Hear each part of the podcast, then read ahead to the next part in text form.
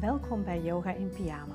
Dit is een uitnodiging om te vertragen en om op een zachte en bewuste manier in beweging te zijn. Ik ben Astrid van de Online Yogaschool en ik bied yoga voor iedereen die leeft met een chronische aandoening, aanhoudende pijn of vermoeidheid. Fijn dat je er bent vandaag.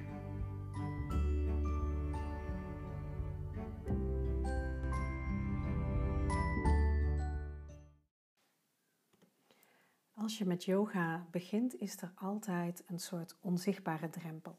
Het is voor veel mensen lastig om alweer uit te moeten leggen met welke beperkingen je leeft. En misschien ervaar je dit ook wel als een drempel en twijfel je daarom ook om bijvoorbeeld te starten met yogalessen. Als dat het geval is, blijf dan even luisteren naar deze aflevering. Het is deel 1 van een reeks over starten met yoga. En in deze reeks zal ik je wat extra tips geven over het starten met het beoefenen van yoga als je leeft met een chronische aandoening of vermoeidheidsklachten. Waardoor je misschien ook beperkingen ervaart tijdens het bewegen. Na meer dan 11 jaar gewerkt te hebben als yogadocent weet ik dat het super fijn is als een docent iets meer weet over jou. Er zijn een aantal zaken die minder belangrijk zijn of eigenlijk niet alle of niet de juiste informatie geven. Laten we eens starten met wat dan echt belangrijk is om te delen en wat misschien niet. Zelf wil ik deelnemers aan mijn lessen graag verder helpen. Tips kunnen geven die echt afgestemd zijn op jou persoonlijk. Het liefst zoek ik samen een manier waarop de yoga-beoefening aansluit bij iedere deelnemer die bij mij aan een les meedoet. En omdat ik weet dat er iemand in mijn les is die misselijk wordt bij vooroverbuigingen, zorg ik dat er een alternatieve variatie is die wel kan. En er zijn nu bijvoorbeeld heel veel mensen in mijn lessen die niet lang kunnen zitten of staan. En om die mensen ehm, ook in mijn les altijd mee te kunnen laten doen, zorg ik dat er altijd liggende variaties zijn voor alles wat we in een les doen. Dat betekent dus dat als ik een zittende of staande beweging laat zien, ik tegelijkertijd vertel hoe je dit liggend kunt doen. En als mijn deelnemers mij nou niet zouden vertellen dat lang zitten voor hen moeilijk is, dan kan ik onmogelijk daarop inspelen. En door het met mij te delen, kan ik dus als docent zorgen dat je nooit het gevoel hebt dat je aan de zijlijn staat. Iets wat ik gehoord heb van heel veel mensen die eerder bijvoorbeeld yogalessen volgden, dat ze steeds vaker dingen niet mee konden doen. En dat is super frustrerend. Wat je mij als docent nou wel of niet vertelt, daarin maak je uiteindelijk natuurlijk een eigen keuze. Het is tenslotte hele persoonlijke informatie die je wel of niet met mij of je docent gaat delen. En sommige dingen wil je ook niet zomaar delen met iemand die je niet zo goed kent. Ik wil je dan ook een paar tips geven over hoe je de juiste informatie kunt geven zonder dat je je hele medische geschiedenis hoeft te vertellen. Wat je zou kunnen doen is vooraf, vooraf even overleggen met je arts of behandelaar. Het is namelijk heel fijn als je hele specifieke vragen stelt tijdens zo'n gesprek. Is goed om te weten wat je in jouw situatie wel of beter niet kunt doen. Bewegen binnen je mogelijkheden of op geleide van pijn is eigenlijk niet genoeg informatie.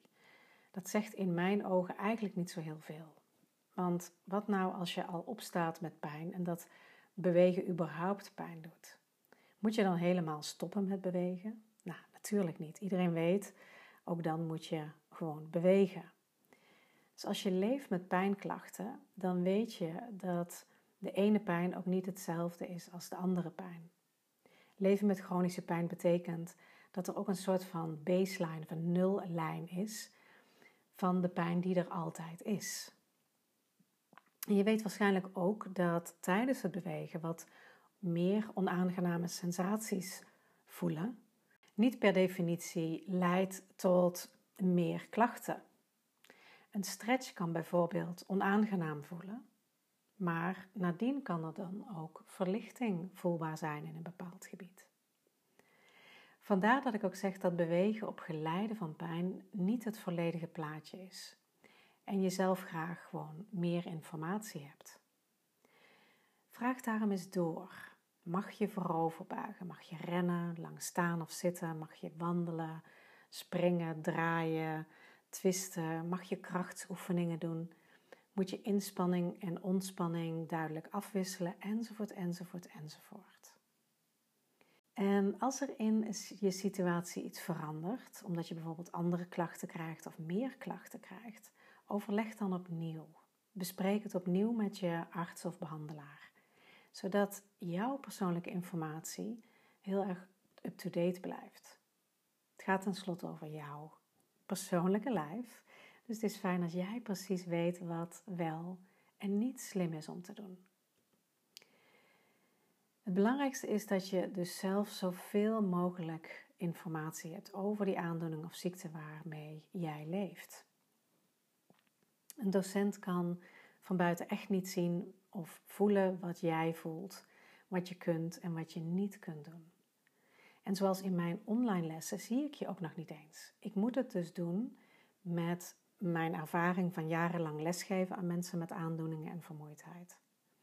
En ook put ik voor een heel belangrijk deel uit mijn eigen kennis, mijn eigen ervaring met het leven met chronische pijnklachten en vermoeidheid. En natuurlijk heb ik niet dezelfde klachten die jij ervaart. Maar ik weet wat het betekent om pijn te hebben de hele dag. En ik weet ook hoe het voelt als lichaamsdelen of spieren vastzitten of tijdelijk in zeer beperkte mate mogen of kunnen bewegen. Ik weet ook hoe het voelt om vermoeidheid te hebben. En dan heb ik het niet over gewoon een beetje moe zijn, maar wat het betekent om echt moer dan moe te zijn. Voor een yogadocent en dus ook voor mij is het fijn te weten of er fysieke dingen zijn waar jij rekening moet mee moet houden tijdens een activiteit. Medische termen en diagnoses zijn dus maar een deel van het verhaal, of eigenlijk misschien wel het minst belangrijke. Want ik ben geen arts en ik heb nul medische kennis. Ik ben als het moet wel dokter Google, dus wat wil zeggen dat ik medische termen moet opzoeken. Dus alleen mij vertellen wat jouw diagnose is of um, met medische termen te komen, vertelt mij dus niet zo heel veel.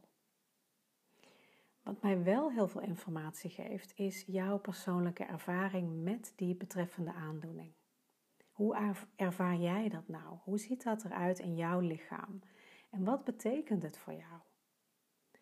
Wat helpt is als je vertelt over de bewegingen waar jij in het dagelijks leven, in het dagelijks leven beperkingen ervaart. Dus is bijvoorbeeld um, armen boven je hoofd brengen lastig? Kun je niet op de grond zitten? Word je duizelig als je voorover buigt? Of verzuren je spieren snel als je lang in dezelfde houding bent? Ben je snel moe?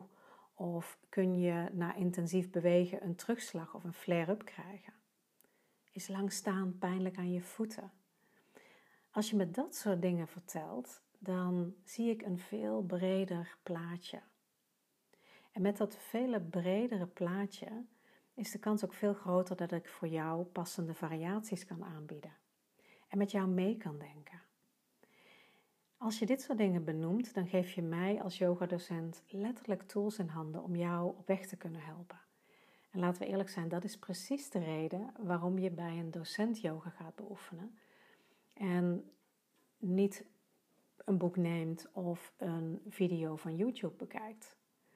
Je wil namelijk dat jouw yoga-beoefening zich afstemt op jou, op wat voor jou passend is en wat voor jou prettig voelt.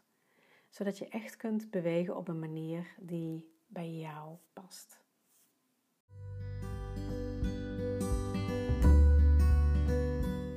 En mocht je nou eens aan den lijve willen ervaren hoe het is om een yogales te volgen die afgestemd is op jouw energiepeil waarin je genoeg variaties aangeboden krijgt om inderdaad binnen jouw mogelijkheden yoga te beoefenen, dan nodig ik je van harte uit om eens mee te doen aan een online live yogales.